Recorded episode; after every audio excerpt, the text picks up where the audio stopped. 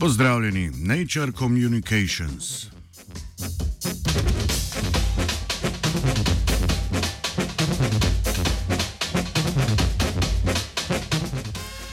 Velikost je pomembna.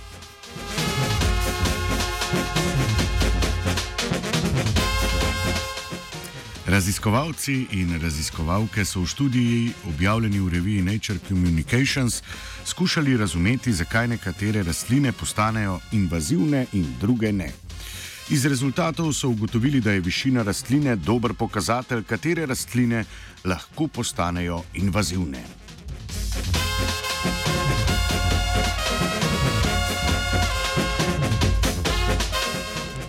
Invazivne vrste so hitro razširajoče se tujerodne vrste, ki negativno vplivajo na ekosistem in grozijo svetovni raznolikosti. Preko 13 tisoč rastlinskih vrst se je do danes uspešno ukorenilo v nove ekosisteme. Nekatere se zlijajo s tamkajšnjimi rastlinami, medtem ko se druge začnejo agresivno razširjati.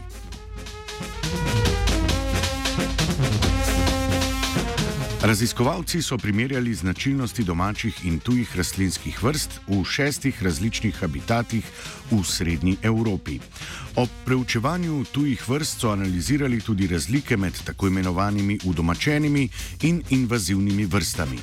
Udomačene se razmnožujejo, a ne agresivno kot invazivne vrste, ki močno poškodujejo ekosistem.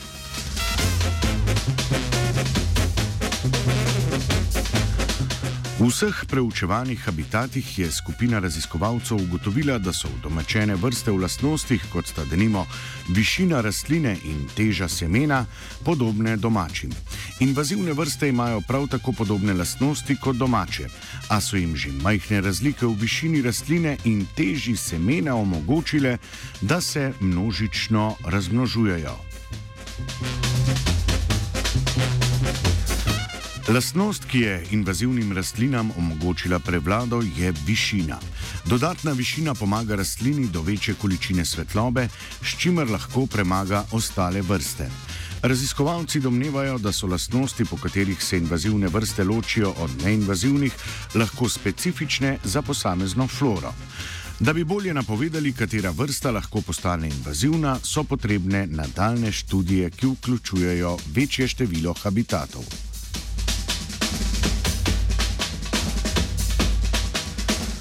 Tuje vrste lahko sobivajo z domačimi, a jim morajo biti podobne in si z njimi deliti nabor določenih bioloških lastnosti.